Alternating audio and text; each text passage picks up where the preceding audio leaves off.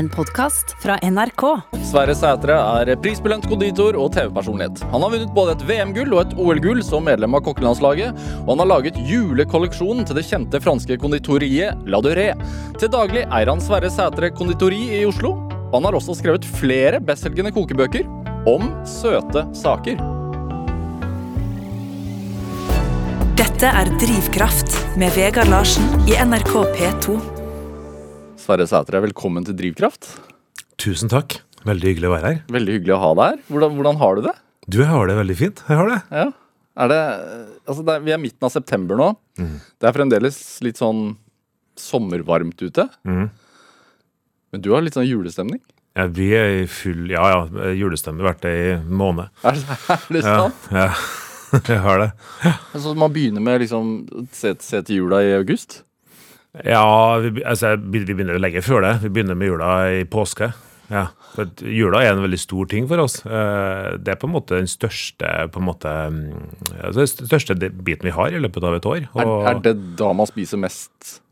Ja, det er da man, ja, man spiser er gaver, det, man spiser selv og sånne ting. Og så er det noe med at vi, mm, eh, altså vi gjør jula til en sånn konsept, egentlig. da, gjør vi. Så vi lager på en måte et sånn nytt juletema i butikken hvert eneste år. Eh, I fjor så hadde vi eventyr som tema, og da er både julekalenderen vår og konfekten vår og kakene liksom spinner rundt dette temaet. Og det tar veldig lang tid å sette et sånt tema.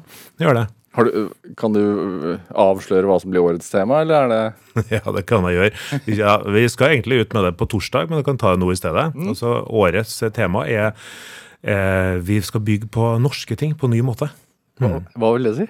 Ja, det, det vil si egentlig at vi skal ta tak for det første i alt det vi har i Norge som vi er veldig gode på. da, på frukt og bær og meieriprodukter og det der, eh, som gjelder råvarene. Eh, og så skal vi òg ta tak i kanskje litt av dette som eh, som for oss har vært veldig viktig, og meg har vært veldig viktig de siste årene. Dette på en måte mm, prøve å se liksom, hva er det som er norsk og nordisk. Eh, og dette er jo en ting som har vært veldig mye fokus på de siste 10-15 årene, egentlig mer og mer. Spesielt innenfor kjøkkenet, kanskje ikke så mye på konditorisida. Eh, og det er jo på en måte Ehm, litt den norske, nordiske måten å tenke på. Kanskje renere smaker, enklere smaker. Eh, smakskombinasjoner som, eh, som på en måte er satt sammen med mer friskhet og syrlighet. Um, Hvordan, hvordan er det? Altså, sånn, du sier at du har begynt å tenke på dette allerede ved påsketider. mm.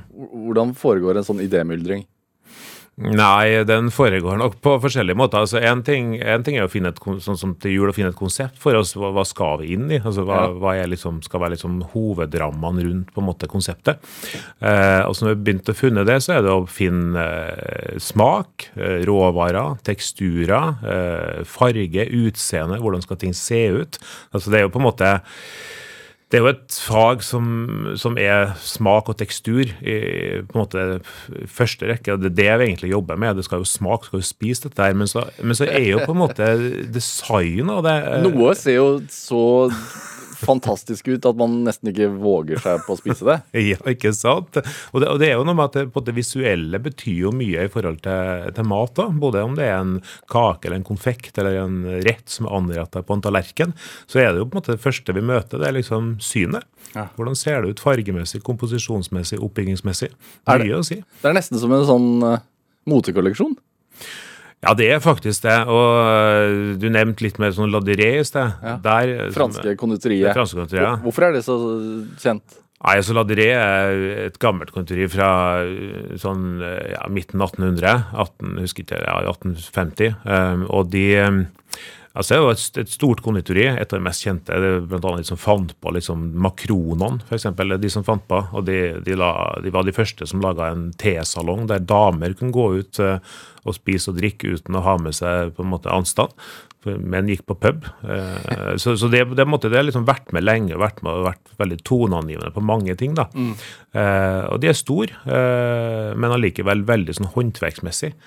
Um, så det har på en måte vært med å prege fransk konditorkunst voldsomt, da, har de. Um, men der, og der, eh, og når jeg var og jobba for dem, så altså der er det sånn, det er en motekolleksjon. altså der de, eh, Franske konditori presenterer sin julekolleksjon uh, i slutten av august. uh, og da er det da er det på en måte det bes inn, og så er det hundrevis av mennesker som kommer. Og så er det på en måte en sånn eh, Altså, man viser fram det, da. Det er som en sånn inn i konditoriet? ja, eller? ja. inn i konditoriet, eller så leier de seg inn i museum, eller leier seg inn i, i flotte lokaler, eller, eller de har det ute av og til, og det kommer helt an på. De lager en sånn flott ramme rundt det, og så presenterer de kolleksjonen. og det er sånn Eksklusiv invitasjon og ja, det inviteres folk, ja. ja. Gjør det. Og så kommer man, og så ser man på, så kommer det folk, og det kommer journalister, og det kommer, og kommer ja, matinteresserte og mange. Så du, du bidro til deres julekolleksjon for hva er det, tre år siden? da? Fi- ja, Ja. stemmer. Mm, 2018. Eh, Hvordan, hva, altså, Fikk du da en telefon og spur, ble du spurt sånn Har du lyst til Eller hvordan fun- funker det der i, i konditorimiljøet? Ja, vet du, det var en eh, Konditormiljø? Jeg må merke, merke jeg må, Konditori, konditor, ja, Ja. begge deler funker godt. Nei, det, det var en litt sånn absurd uh, situasjon. Jeg- har for meg vært en, en kjent ting helt fra før jeg starta i faget, egentlig. Jeg har vært innom Laduré-butikker både i Paris og utenfor Paris mange mange ganger. Og, og da hadde jeg et kurs i Tromsø. Hadde. Så, ringte, så ringte de meg fra jobb på Briskeby og sa at eh, det er noen som ringte deg fra Laduré. Eh, det haster litt, du må ringe dem tilbake. Og så tenkte jeg shit, Laduré, hva i huleste er det for noen ting? Så jeg, jeg bare fant veldig sånn raskt en mulighet til å ta en pause i det kurset jeg hadde, og stakk ut. og Ringte da tilbake på jobb, eh, fordi jeg har lagt igjen på svarer. Og så fikk jeg et telefonnummer. Og så fikk ikke jeg ringt dem akkurat da, men jeg fikk ringt dem en halvtime etterpå. Eh, og så eh, så fikk jeg Så, så, ble jeg bare eh, De lurte på om, om jeg hadde lyst til å komme ned og snakke med dem i Paris om, en, om et samarbeid. Ja. Eh, Så jeg prøvde å fiske ut litt mer hva dette gjelder, men Så jeg fikk jo ut litt, da. Men, men det endte jo med at jeg satte meg på et fly og dro til Paris og ble henta på flyplassen og kjørt inn på hovedkvarteret. Og så var det da om å For første gang i historien så ønska de hvordan ser det ut på hovedkvarteret på Laduré? Er det, er det et konditori, eller er det et kontor? Nei, det er, det er et kontor. Okay. Ja, det er det. Ja, det er et kontor.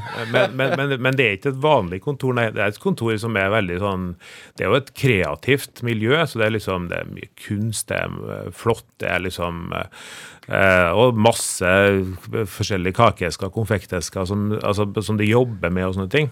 Men, eh, men, eh, men det var første gang i historien at de ønska å invitere en konditor utenfor huset til å lage julekolleksjonen sin. Ja, det. Og da ringte de meg. Det var, det var veldig absurd. Ja. så jeg liksom lurt på det- er det sånn nesten at da Nei, Da kan man bare Ja, det er liksom, det, tenker jeg, som å bli oppringt av et eller annet sånn eh, Dior, Ja, eller sånn. år kom nå å lage en kolleksjon for oss. Ja. Mm. Jeg er litt på nivået der. Det var helt fantastisk. Men det Hva, hva, hva, og, fikk du en spesifikk eh, Altså, Var det en detaljstyrt oppgave, eller var det ganske fritt? Jeg var egentlig ganske fritt, men det, var, det, er et, det er jo mange meninger og mye som skal på plass. Det jo, så det var en jobba med det fra eh, april eh, og til da godt utpå høsten, før det ble presentert da på høsten. Hva, hva, hva, hva tenkte du ut? Nei, det Altså, det, det de, de ønska ikke å eh, ringe meg for å få meg til å lage noe fransk. Det var ikke makroner. Nei, det, det var ikke det. Vi laga makroner da. Ja. Men med den norske, nordiske smaker. Men, det, men de ønska altså, Det er jo helt klart at de siste årene, eh, gjennom mange ting, Noma i Danmark, eh, Maemo her, Credo, altså Fagn, masse, masse restauranter har jo liksom vært med og satt på en måte New Nordic Cuisine, Ja, som har, som har blitt litt altså. merkevare. Ja. Ja, så, så jeg tenker liksom 15 år tilbake, eller så løfta liksom ikke franskmennene blikket og så til nord for å få inspirasjon, men plutselig så gjør de det. Ja. Det er liksom, det er, altså dette nordiske, det vi gjør her, det er liksom plutselig, det er blitt en sånn, det er blitt litt sånn, wow, hva er det vi holder på med? Og det er blitt veldig sånn toneangivende på mange ting da. Og da ville de, de ville liksom ha en julekolleksjon som var preget av at, altså, Jeg tror ikke, altså Norsk tror ikke, altså For dem er det liksom nordisk. Jeg tror liksom Ja. Sverige og Norge og Danmark liksom havner det er liksom vi er, havner litt det samme, tror jeg. da. Og det er vi jo for så vidt kanskje òg. Vi bruker jo mye samme smaker, og det er jo ganske likt mye vi gjør. da. Så, men, så det er norsk-nordisk, da. Det ble jo en norsk kolleksjon, men, men det Det var Og så 'God jul' og sånn sto det i butikkvinduene. Ja, det gjorde det. Det sto 'God jul' liksom på vinduene på Champs-Élysées og rundt omkring. Veldig gøy. Hva slags norske smaker hadde du og serverte? Nei, det var jo en prosess som tok lang tid. eh, men eh, jeg laga en, eh, en kake som så ut som en sånn norsk kaketine. som da besto av en type eh, en riskrem, men ikke vanlig riskrem. Det var gjort på en ny måte. En hvit sjokoladeganasje-riskrem med sylta, sylta røde bær. Så det var liksom bygd opp rundt riskremdesserten, som var en ja, norsk-dansk eh, kjent juledessert. Vi jobba med norske smaker som vaffel. eh, med Og den tina di, den ser ut som en, altså, den ser ut som en tine. Altså, Ja. det, ser ut som noe man kan putte noe oppi. Ja, den ser ut som en kaketine, rett og slett. En vanlig kaketine. Ja. Eh, Gjør den. Og man kan spise hele. Hele. Alt sammen. Ja. Du kan spise lokk og esker og alt sammen. Mm. Rubb og stubb. Så, så det var liksom kaka, og så var det en del kjekser, basert litt på sånn pepperkakeaktig, men, men på ny vri, da. Altså hvis du har smakt det, så har du definitivt kjent at dette er norsk-nordisk. Ja. Men så har du òg tenkt at jøss, dette er jo noe helt annet i tillegg. Ja, det. Og det var det jeg ønska å gjøre. da. Eh, På en måte Gjøre det nytt, men allikevel forankra i en tradisjon. Hvordan var det den augusten, da? Altså i augusten til 2018 var det vel da? Altså hvordan da det, den julekolleksjonen ble lansert? Det var helt fantastisk. Altså, det var, vi var der, og det liksom eh, Det, det var det var, jeg tror det var, jeg husker ikke hvor mange det var, 300-400 stykker som kom på, kom på, på en måte visning, da. Så, så, ja, og det var eh, og det var liksom, og det er så, det er så stort i Frankrike. og jeg kom, eh, Så tok La Duré inviterte med meg og familien min, altså kona mi og mine to barn, nedover når denne blir sluppet, for dette visninga var i september. Eh, Da var jeg meg selv, og så slipper de kolleksjonen da du får begynne å kjøpe det i november. Ja. Og da ble vi invitert ned. Og, og, og da, da sto det, som du snakka om i sted, 'God jul' i vinduene. og man, Det var liksom, det var helt, eh, det var helt fantastisk å være der. og jeg var, Kom på La og det står liksom eh, 200 meter kø med folk som skal hente liksom kake, tine denne kaka og vaffelkaker på ny måte og sånne ting. Det var kjempegøy. Ja, og selv også du med din CV. Altså, du blir, får litt sånn frysninger på ryggen da, liksom? Er det Ja, jeg gjør det. Ja. på, sånn Faglig sett så er det sånn eh, Jeg har vært med og, og, og konkurrert med landslaget i mange år. Jeg har vært med og, som du sa i sted, vunnet både VM og kokke-OL og sånne ting. Men jeg tenker sånn faglig sett så tror jeg denne Ladurie-jobbinga kanskje er Den topper det, altså. Den gjør det. Dette er Drivkraft med Vegard Larsen i NRK P2. Og i dag er konditor Sverre Sætre her hos meg i Drivkraft på NRK P2. Snakka om eh, julekolleksjonen din til det franske konditoriet La Durée for noen år siden. Eh, lærte du noe av å jobbe med franskmenn? Jeg har lært masse. Altså det, ja, jeg har lært utrolig mye. Eh, eh, smaksmessig så klart ikke noe, for at man får jo alltid Man blir alltid inspirert når man jobber med andre folk som jobber med det samme som seg selv. Eh, og det er jo en kjempeviktig ting å, å la seg inspirere av. Men, men også på hvordan de tenker. Og dette var jo grunnen til at vi etterpå begynte å lage konsepthjul hos oss. Så vi laga da vi, vi, året etterpå, så vi, eller samme år faktisk, så laga vi et konsept hos oss. og Det hadde vi i fjor òg, og vi hadde det året før der. Og vi skal ha det i år. Ja. Så på en måte altså, gjør litt mer ut av det. Mm. Ten- Tenke litt større, altså Våge å tenke litt større, rett og slett? Da. Ja, rett og slett. Mm. Så, og prosessene de jobber, hvordan de tenker. Er det litt sånn norsk og sånn Ja, ja, her har jeg jeg har bare lagd noen kaker. Det, er det liksom det norske? Eh, På noen måter så er det kanskje det. Og så er jo eh, Jul er jo tradisjon, men, eh, men, men alt, alt trenger jo en viss fornyelse. og Alt har jo blitt av noe annet og komme videre. Og så jeg tenker liksom Jeg tror det er viktig ja, altså, å ta tak i den biten der. At det skaper progresjon. Man må liksom man må, man må liksom drive seg frem litt på en, på en måte, og dette er jo en, og det å gjøre sånne type ting gjør at man på en måte setter seg et mål og en på en måte en agenda og får en drivkraft mot en ting på en annen måte. Er det, du sier jo at årets eh, kolleksjon hos deg da, er, er basert på det, det norske, de norske rene smakene, på et vis. Er det Hvordan kommer du fram til det? Er det eh, i konditoriet, eller er det hjemme på kjøkkenet? Det er alle plass, egentlig. altså det er på hjem på kjøkkenet, det er på konditoriet, det er på sykkeltur, det er på eh, kan være her sammen med deg. Plutselig så snakker vi om ting som eh, noe som på en måte eh, er kimen til når man spinner videre på igjen. Eh, så det kommer alle plass. Ja. Hvordan, hva, slags, hvordan, hva slags kjøkken har du hjemme, da? Nei, jeg har et helt vanlig kjøkken. Egentlig. Det Ser det ut som et kjøkken eller et laboratorium? Nei, det ser ut som et kjøkken. Ja, og så har det et sånn litt sånn Ja, det er noe sånn laboratorieting i tillegg, da. Men det er på en måte Det står noen sånn krukker borti hjørnet med noe sånn eh, kombucha som står og gjærer og sånne type ting. Så det, og kjøleskapet er det alltid noe som står og fermenteres, eller noe som syltes og sånne ting. Ja. Til familiens store fortvilelse av og til. Og Hva fermenteres og syltes nå? Nei, nå er det faktisk eh, en sånn, eh, en sånn gjæring av blåbær. Eh, Er det som står der, som skal, som skal brukes da i, i julekalenderen i år. Mm. Oh, ja. Ja, så fermenterte blåbær. Mm. Fantastisk godt.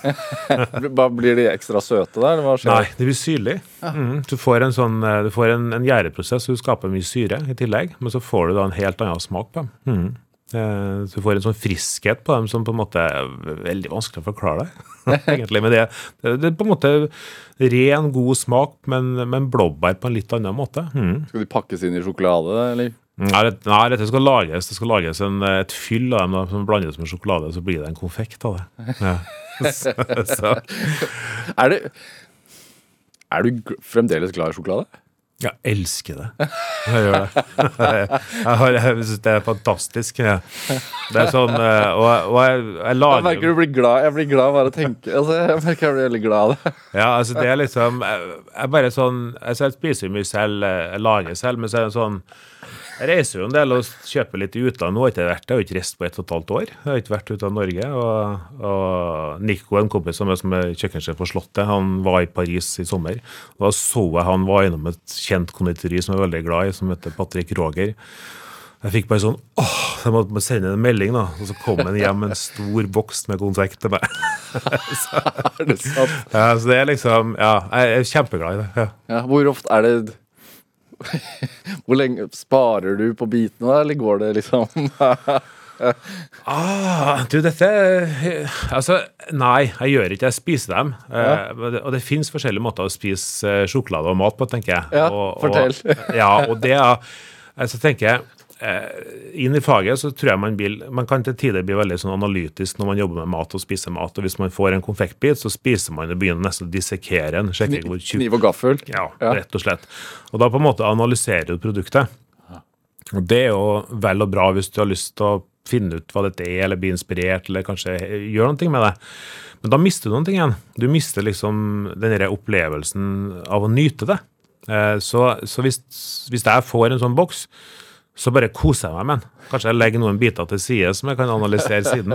Men, og, og det er jeg blitt mye flinkere til uh, siste årene, da. Med å ikke liksom sitte og på en måte analysere og pirke i maten når du sitter og spiser, om du er på restaurant eller om du er på hjem. eller altså Det det er noe med å faktisk spise maten sånn som den skal spises òg. Har du måttet lære deg det?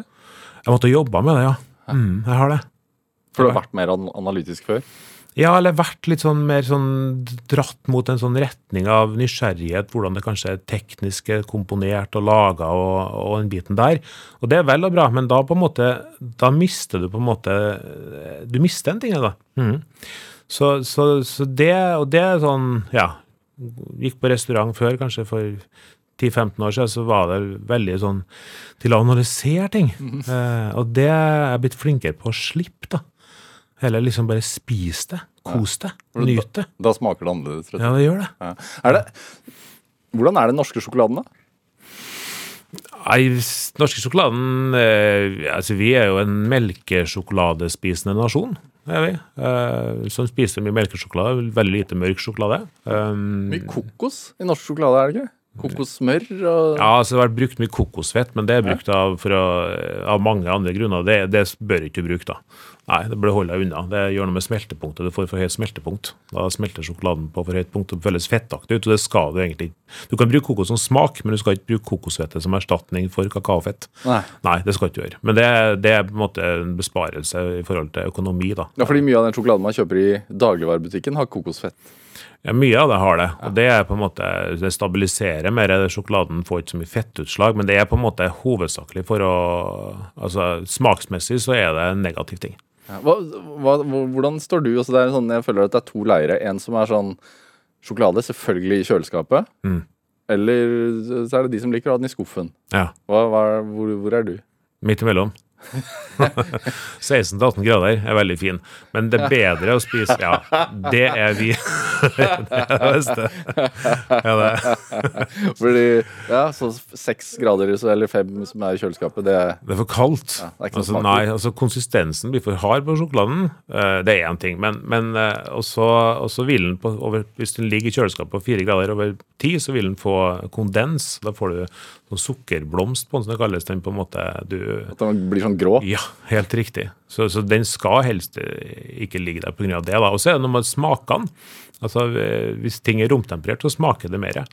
Og vi har gjort, jeg husker For mange år tilbake gjorde noen forsøk på det. Liksom lurt på hva Vi drev og testa på litt sånn folk er kjent og litt sånne ting. Hvor, altså, for det er veldig mange som liker kald sjokolade. Ja. Eh, men altså For det knaser, vet du. Det knaser, ja, men, men, men, men, hvis du har nok fett i, nok kakaofett, så vil den gjøre det likevel.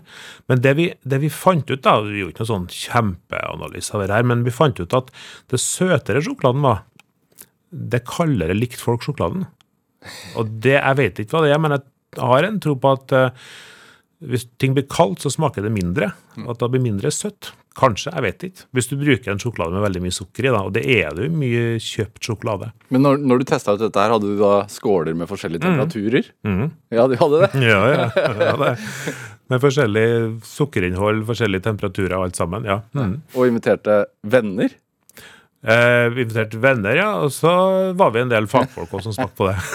Hvordan er, du, har, de, du vet du hva barn er? Er de Er de lei godteri? Eller sånn, ikke godteri, men søtsaker?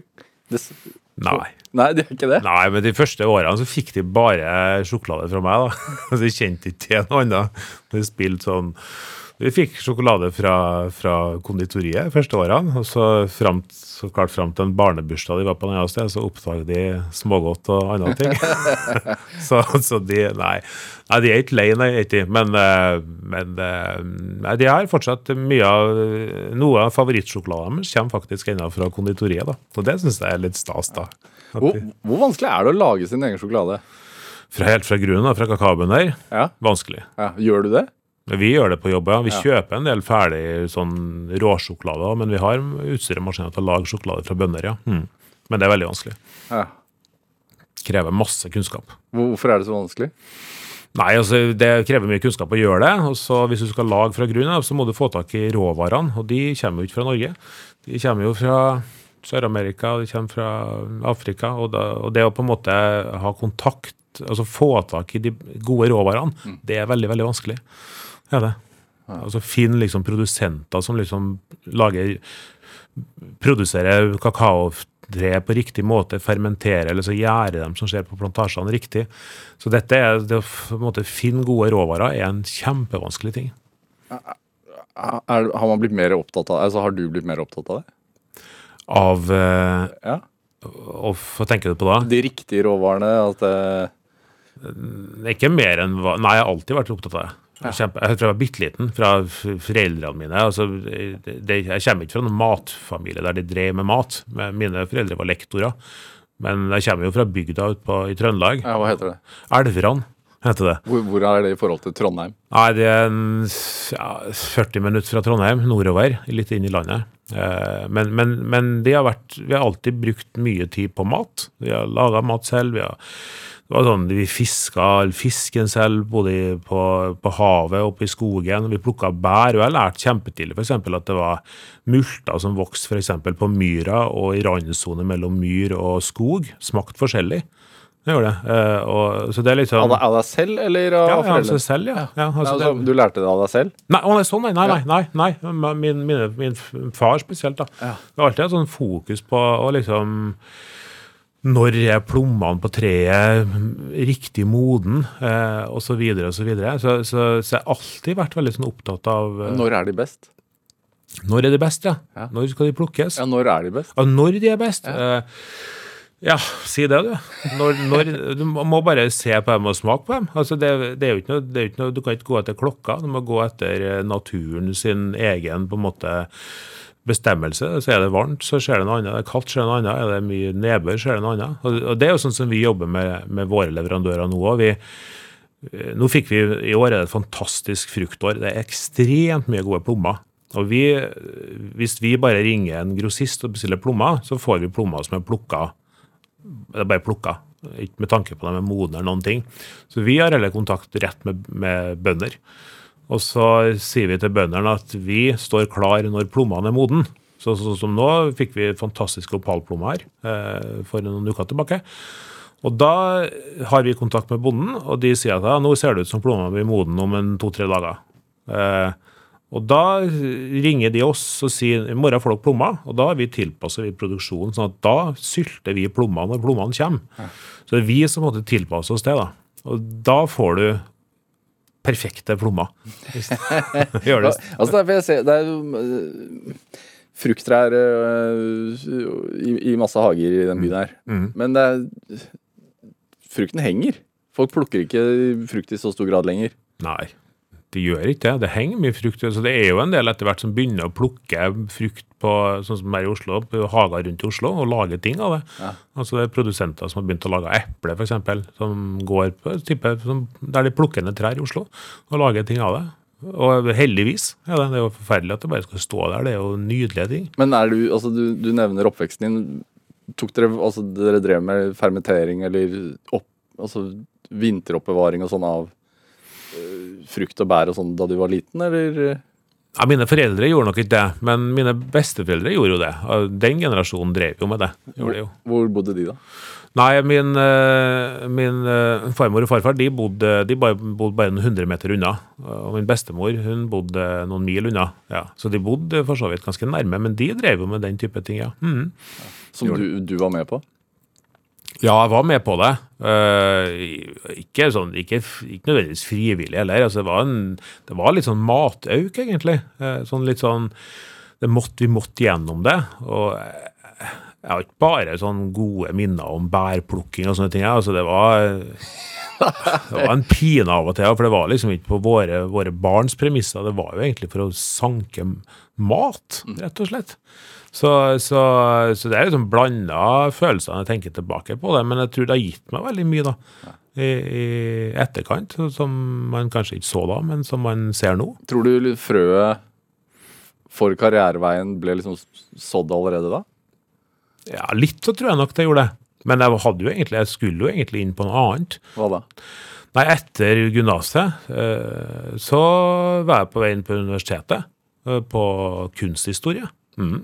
Så det var Det var egentlig det jeg tenkte. Jeg hadde ikke sett for meg en sånn matvei i hele tatt. Det, men det estetiske var interessant, da? Ja, det var interessant. Ja. Og kunsthistorien? ja, det var det. du, skulle bli da kunstviter eller Ja. kunsthistoriker? Ja, det var planen. Ja. Ja. Hva var det som hadde, hva trigga det, da? Eh, nei, samme. Jeg er jo ennå veldig glad i, i, i kunst. eh, og ser på kunst, og, og syns det fortsatt er kjempespennende. Eh, eh, så, så det var nok en dragning mot en ting der. eh, både, både det visuelle, men òg liksom historie og kultur og alt det der. Men dette drar man òg veldig over i mat, da. Men sysla du med Altså, det, det historiske, teoretiske er jo én ting, men, Mm. men sysla du med kunst selv også? Altså med tegning eller maling, eller? Ja, det gjorde jeg òg. Ja. Ja, jeg gjorde det òg. Jeg har alltid vært glad i å jobbe med fingrene, egentlig. Ja. Å lage ting, og skape ting. Ja. Så, så det er på en måte Det, er en sånn, sånn, sånn trang til å på en måte lage noen ting. Den har alltid vært der òg. Hvorfor det, tror du? Nei, det, det vet ikke jeg. Altså, jeg, det, det tror jeg nok ligger liksom litt inn i genetikken et sted, vil jeg tro. Jeg, altså, Altså, jeg er jo vokst opp på landsbygd. Jeg vokste vokst opp liksom ja, det var en annen tid på, på 70-80-tallet. Det er jo ikke den digitale verden og noen ting. Og det er ja, kanskje litt kjedelig på landsbygda her. Eh, men kjedsomhet så er jo kanskje òg noe som er med å skape noe annet ting. da. Eh, det kan være en sånn grobunn for kreativitet, tenker jeg òg. Eh, så hvis man på en måte går rundt og kjeder seg for mye, så kanskje man begynner å prøve å finne på noen ting. Og, det gjorde jeg gjorde jo mange sånne ting som barn. Jeg laga jo ting. Jeg bygde jo bygd dampmaskin. Eh, jeg laga min egen kano, f.eks. av never og bark og tre, som, faktisk, som jeg kunne seile på i elva. Å sitte i? Ja. Oi, wow! så, så, så, det er jo på en måte ja, i mangel på altså Det er på en måte mangel på å gjøre noe. Altså, og du fikk jo ikke kjøpt sånne ting. Du kunne ikke kjøpe en kano, eller mine foreldre var i hvert fall ikke interessert i å bruke penger på en kano. Eh, så på en måte jeg laga, laga eget gevær, eh, laga masse ting, da. Mm. Um, og, og, fikk frihet til det fra veldig tidlig av, antageligvis? Ja, det gjorde jeg. Og, og, det var jo ikke akkurat bare bra. Jeg husker jeg jeg, sånn, jeg husker jeg så jeg, liten så jeg Bruce Lee. Han hadde sånne fløyelsbukser på seg. Karatebukser. Og så fant jeg ned i kjelleren så fant jeg noen sånne flotte, store tøystykker i velur. og dette var jo mine mors eh, og fars julegardiner. De fant jeg ut at passa perfekt som bukse, så da klippet jeg hull og sydde karatebukser av dem. det var helt krise når jula kom. Ganske De visste ikke noe før, nei, før de skulle henge det opp? Nei. Det var sånn klippet ut sånne bukser midt i gardinene. Jeg, tok jo liksom alt av kleshengere og tok av trepinnene og bygde båter med og sånne ting. Nunchako? Ja, det lager jeg òg. Ja, selvfølgelig. selvfølgelig. Eh, men hva var kjøkkenet og, og, middagsbordet sånn sentralt hjemme hos dere, eller? Nei, det var ikke det. Nei. Nei. Uh, det var ikke det. Uh, det var egentlig veldig sånn flytende, egentlig. Altså, det var liksom mor og far i sine jobber, vi har fire barn. Det var ganske hektisk, var det. Og, og vi hadde aldri noe ro rundt middagsbordet. Jeg har det. Og det tror jeg fordi at jeg kanskje savna det. Så for meg er liksom dette å samles rundt et bord en veldig viktig ting, og vi har alltid gjort det i min familie. Til fast tidspunkt? Ja, og at vi bruker bordet som en Altså, vi spiser mat, vi, og, så, og, så, er det sånn at et bord er jo en ramme for noe annet. En ramme for samtale, hva som har skjedd gjennom dagen. Uh, hva skal skje? Um, altså, man sitter der og spiser i den type setting et, rundt et bord, så, så, så, skapes det en del ting. Eh, og det tenker jeg er familiært, eller ja, forretningsmessig hvis man går ut og spiser, eller politikerne spiser. Så bordet som ramme tror jeg er en veldig viktig ting. Så, så, og vi hadde ikke hjem i, i min oppvekst i det hele tatt. Hva skjer når man deler et måltid, da? Ja, hva skjer når man deler et måltid? Det skjer jo veldig mange ting. Altså, Én ting er jo det som skjer rundt maten, tenker jeg, hva du spiser og fokus på det. Det kan du jo ha. Men så er det dette med dette på en måte litt sånn Denne tida man ikke kanskje har tenkt å gjøre noe spesielt, bortsett fra å spise. Akkurat som å gå en tur med noen, tenker jeg. Da skjer det noen ting. Da begynner man å samtale om noe som øh, kanskje ikke var helt planlagt. Altså, og det tror jeg er en sånn kjempeviktig ting med, med et måltid òg, da. Og det vi bruker veldig tippet. Så vi samles alltid rundt bordet og spiser og bruker det som en sånn fast ting. Har du har alltid dessert? Nei, vi har ikke alltid dessert. vi har ikke det. Nei. Ikke bestandig, nei. nei. Bare på søndager? på søndager, av og til på lørdager. Og, og vi, har litt, vi, har litt, dessert, vi har det. ja. Men ikke hver dag. Hva lager du? Er det du som står for den, eller er det Nei, vi, nei altså, jeg lager mat, men kona mi lager mat, og dattera mi lager masse mat. og Alle lager egentlig mat. Alle, altså, vi, og så er vi glad i å bruke tid på kjøkkenet. Vi bruker, og det, de drar det litt dit, da. Det er en tid for samtale og samvær, det òg, som er veldig viktig.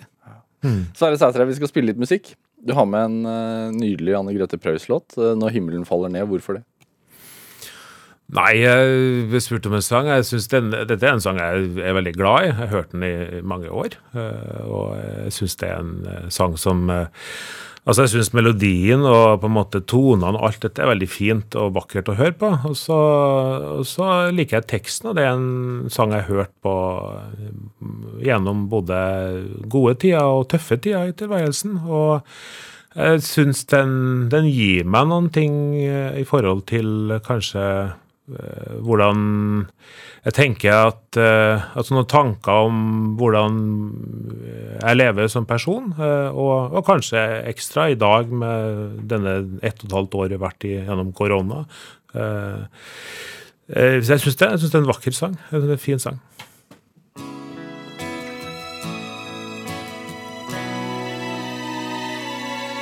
Det snør Himmelsk korrekturlakk over feilstavet sommer. Og hør Bylarmen forsvinner under dalende flommer. Og vi har hørt at ingen snøfnugg er like. Og sånne under kan en tenke på en stund. Jeg lener hodet helt tilbake og får et iskyss på min munn. Og får et iskyss. Det snør.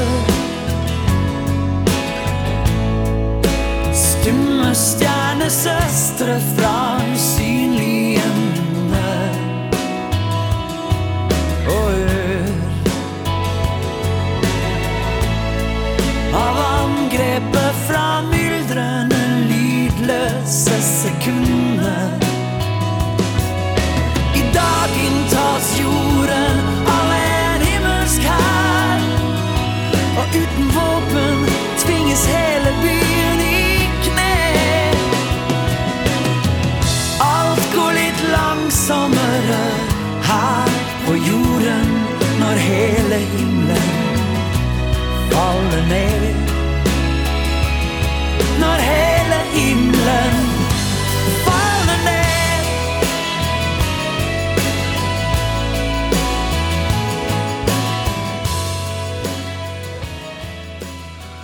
fikk en smakebit av Anne Grete Preus sin nydelige 'Når himmelen faller ned' her i Drivkraft på NRK P2, valgt av dagens gjest, nemlig konditor Sverre Sætre. Eh, du er født tvilling. Ja. Um, tvillingsøsteren din var TV-profilen Annbjørg Sætre Håtun som gikk bort for noen år siden. Er det Det ble veldig offentlig. Ja, det ble veldig offentlig. Hvordan er det? Nei eh, det er jo sånn det ble. Uh, og det, hun var jo en offentlig person, så det er jo bare sånn det ble. Og hun valgte å være det. Uh, hun, uh, hun, valgte jo på en måte å være åpen om, om sykdom og, og, det som ramma Og gjennom hele prosessen, egentlig, fram til hun, fram til hun forsvant. Ja. Du har, du har tvillinger selv. Altså, ja. er, det, er det noe Altså, du vet jo ikke noe annet, men, men er det spesielle bånd med tvillinger? Uh, nei, jeg tror ikke jeg det. Uh, men uh, Nei, jeg tror Ja, altså jo, det er det vel. Men, men jeg tenker ikke spesielt mye. Tror jeg, da. man har en, man vokst opp sammen hvis man da er tvilling, og man deler jo på mye og har litt for seg selv, så klart. Men Og så vet man jo ikke om noe annet, som du sier. så det tror jeg, men, men men, eh, men, jeg var veldig tett på min søster, da. Og det tror jeg ikke var pga. at vi var tvillinger, men vi var Vi, vi, vi var òg litt sånn Vi var litt bestevenner. Og det tror jeg eh, Man får jo søsken, eh, og, så, og, så, tror jeg man er kanskje litt sånn spesielt heldig hvis man òg klarer å finne en, en, en, veldig god venn i en søsken. og det gjorde jeg. ja med, med min søster Annbjørg. Mm. Hva, hva, tror du det har gjort noe med din, altså, din drivkraft? Det at hun gikk bort? Um, Ja, jo, sikkert på én måte. Men, eh, men jeg har Eller på, kanskje på en annen måte. Har man kanskje fått et litt annet fokus. Altså det blir litt sånn Folk eh, Folk på en måte forlater oss jo hele tida, eh, hver dag rundt i Norge. Alle opplever det jo eh, på en eller annen måte før eller siden, og alle opplever det mye av det hver dag. Men så klart Ehm, når måte, hun, var ikke, hun var jo på en måte ikke uh, veldig ung, hun var midt, midt, litt i livet. Men, men så klart det er jo en sånn, kanskje en påminnelse om at eh, vi En ekstra påminnelse at man skal eh, videre etter hvert, da. eh, som blir litt mer tydelig. Eh, og det tror jeg nok skaper Ja, det skaper nok en liten sånn annen type ting. Jeg gjør det. Ja, det. Men jeg vet ikke helt hva det skulle være, da. Men, men jeg tror nok at sånne type hendelser gjør noe med, med oss. Det gjør det. Mm. I forhold til hvordan vi ser på livet, i forhold til hvordan vi ja, reflekterer rundt ting. Men så er det jo Det er jo en eh, det er jo en ting som på en måte må håndteres òg, da. Eh, Jeg, jeg, jeg snakka ikke så veldig mye om det med presse og sånne ting når det skjedde. Eh, Jeg hadde ikke lyst til å gjøre det. Har du blitt spurt? Massevis. Ja. Ja. Dette er første gang jeg snakker om det, egentlig. Ja. Første gang jeg snakker om det, om det offentlig. Men, men for meg var det ikke noe behov. Jeg hadde ikke noe lyst til å gjøre det. Jeg hadde ikke det. Um, Ja, for, ikke, for deg så var hun ikke Hun var bare søsteren din, rett og slett. Hadde ikke noe med offentligheten å gjøre. Nei, var, ja, jo da, det hadde jo var jo, jo, det hadde for så vidt det òg, da, men på en måte Jeg syns ikke det var Jeg hadde ikke så mye lyst til å snakke om det, egentlig. Jeg følte ikke at det var nødvendig, egentlig, verken for meg eller for noen rundt meg. Og da valgte jeg ikke å gjøre det. Ja.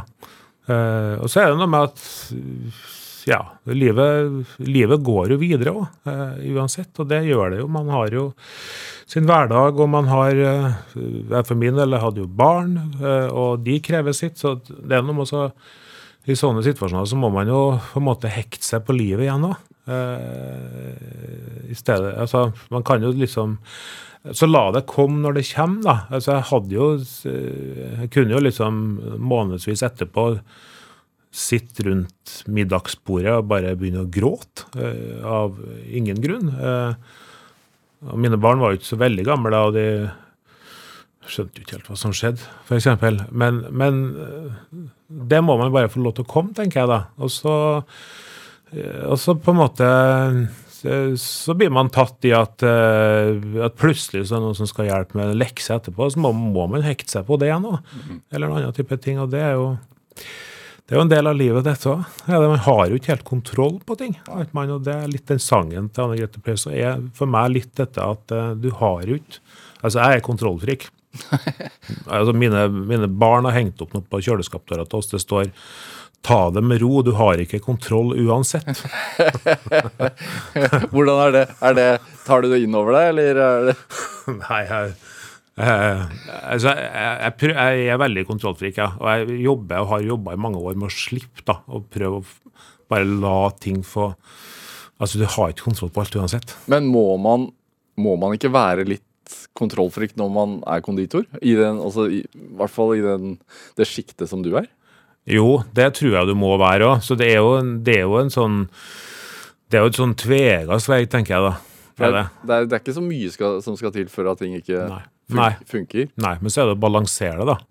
For det er jo en balanse det, tenker jeg. For du må jo ha, du må være kontrollfrik. Du må ha kontroll på ting. Altså, og det er, en, det er jo en, tenker jeg, en viktig ting med det jeg gjør òg.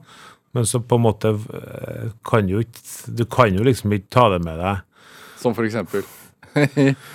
Nei, Hva, eh, hva har du blitt flinkere til å slippe? Nei, altså, jeg har blitt flinkere kanskje til å slippe oss på en måte mine kollegaer, da. Altså, jeg, vi, jeg kan jo ikke ha kontroll på alt de gjør hele tida. Du har prøvd? Ja, jeg har prøvd, ja. Men det går jo ikke. Så det, man må jo liksom prøve å slippe, og, og det går jo stort sett alltid bra. Men, så, men så, sånn er det på mange ting. Altså skal vi sende ut ei Vi lager masse bryllupskaker. Og vi sender ut, og vi lager en bryllupskake. Det skal være en, en stor dag for folk. De skal gifte seg, de skal sette opp den her.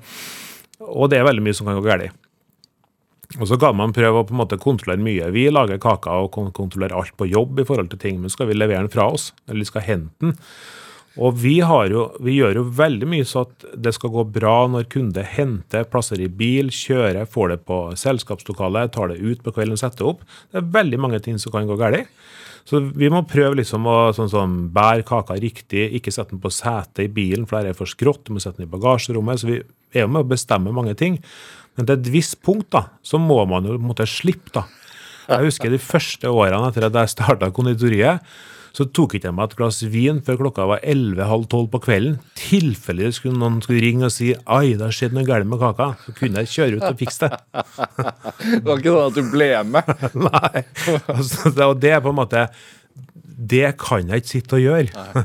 Så liksom, så ekstremt var jeg liksom i starten. da. Var, var det litt vondt å gi fra seg ting? Ja, kjempevondt.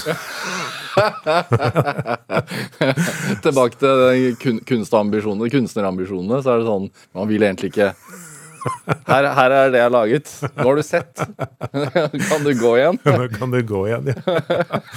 Så ja, nei, så det er en balanse i alt, tenker jeg da. Men hvor Altså, du nevner bryllupskake, og som du sier, det, den får mye oppmerksomhet. Mm. Hvor mye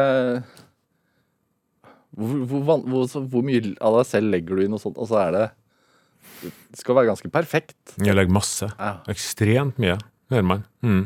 Man gjør det. Ja. Så det er på en måte en sånn, Man legger veldig mye i det. Og så er det jo en, en del av en veldig stor dag for folk, så det er jo bare en liten del av en dag. Men det er liksom for, for, altså, Nei, jeg, jeg, jeg er litt sånn Jeg legger veldig mye i det. Jeg legger masse, masse ting i det. Ja. Du, du har med sånt eh, du fikk, Jeg fikk en gave av deg da du kom hit. Ja. Eh, Et vaffelhjerte eh, som, som Jeg vil jo si at det er en sånn signaturting dere lager. ja det er blitt det. Det ser, helt, ser ut som et vaffelhjerte, men det er ikke det. Masse, masse greier i det bak her, ser jeg. Eh, men hvor mye terper du da på at det skal bli sånn som det ender opp med å bli? Dette, altså sånn som det vaffelhjertet er, det var en lang prosess. Det starta med laduré. Ja. og lage noe norsk og fransk som var blanda, på en måte. Eh, så, eh, men akkurat dette altså det ble til ganske fort, egentlig.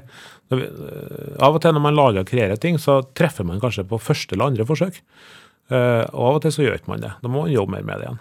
Ja, det. Eh, men eh, men, men her, ja, altså dette er jo dette er barndomsminne òg, eller ungdomsminne, eller hva skal man kalle det. Det er på en måte karamellisert hvit sjokolade som er støpt i en form, eh, som da tar tak i litt i denne karamellundertonen du finner når du på en måte karamelliserer melk, da, eller du finner brunost, egentlig. Eh, smaker ikke brunost, men det har litt tonene i det. Og så er det fyll inni som er laga på hasselnøtter. Eh, det er liksom litt mot Frankrike, eh, egentlig. Og så er det og så er det et minne fra meg og min bestemor. Eh, Hun stekte vafler eh, når jeg var liten gutt. Og det beste på vaflene det var når de kom rett fra vaffeljernet, og hun hadde fylt i litt for mye vaffelrøre i jernet, så tøyt det på utsida av jernet. Og der ble det sånne sprø blonder, og de syntes jeg var så gode. Så liksom å sitte og spise litt, liksom sprø vaffelblonderen som kom på utsida. Så det inni her så er det sprøstekte, knuste vafler eh, som er blanda av de hasselnøtt. Så der får du vaffelen inn i dette hjertet, da. Jeg er helt enig med deg. Hvorfor er de blondene de beste? si det. Nei, det er noe med konsistens og jeg vet ikke et eller annet. ting. Er det altså eh, Den kjente eh, konditoren eh, Lars Lian. Ja. Hvorfor er han viktig for deg? Lars Lian er viktig for meg på mange måter. Det er han som måtte være åpneren inn i faget for meg. da. For at Jeg skulle jo gjøre noe annet som vi snakka om, kunsthistorie, og så ble jeg kjent med Lars. Og Lars er jo eh, ja, Lars er en helt fantastisk konditor. Han Altså For han som ikke vet hvem han Ja, er. som ikke- Han er nestor i Ja.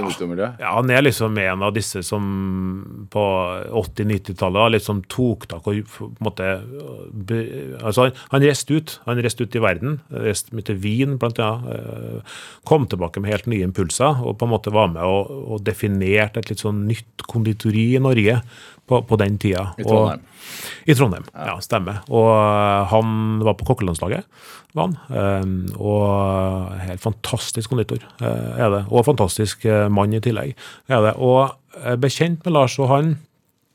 Da på en måte var det en vending for meg, da. For da så jeg liksom at dette faget bydde på så mye. Altså Én ting er at det er smak, opplevelse, reise, kultur. Eh, form, farge, mange mange ting. Men, men også på en måte, det er maten, men det er liksom alt som er rundt igjen. Og da, eh, da Det var da jeg tok dette valget og gikk heller inn i det faget. da. Ja. Og så begynte jeg å begynte jeg å jobbe til, til Lars. Gjorde jeg. Eh, og vi snakka mye rundt det. Og konditorfaget er kjempefint, men eh, Lars var da på kokkelandslaget og mente at eh, hvis du skulle bli en god konditor, så, så jobb med kokkefaget først. For at eh, kokkene sitter ofte på noe som ikke konditorene sitter på. Det er på en måte sesong, palett på tunga i forhold til smak og den biten der. Så da eh, spurte Lars hvor, hvis du skulle forvalte læreplass ett sted, hvor ville du dratt da? Og da, den, da drev ved Hellstrøm Bagatell Ja. eh, på, i Bygdøyallé. Også en eh, nestor.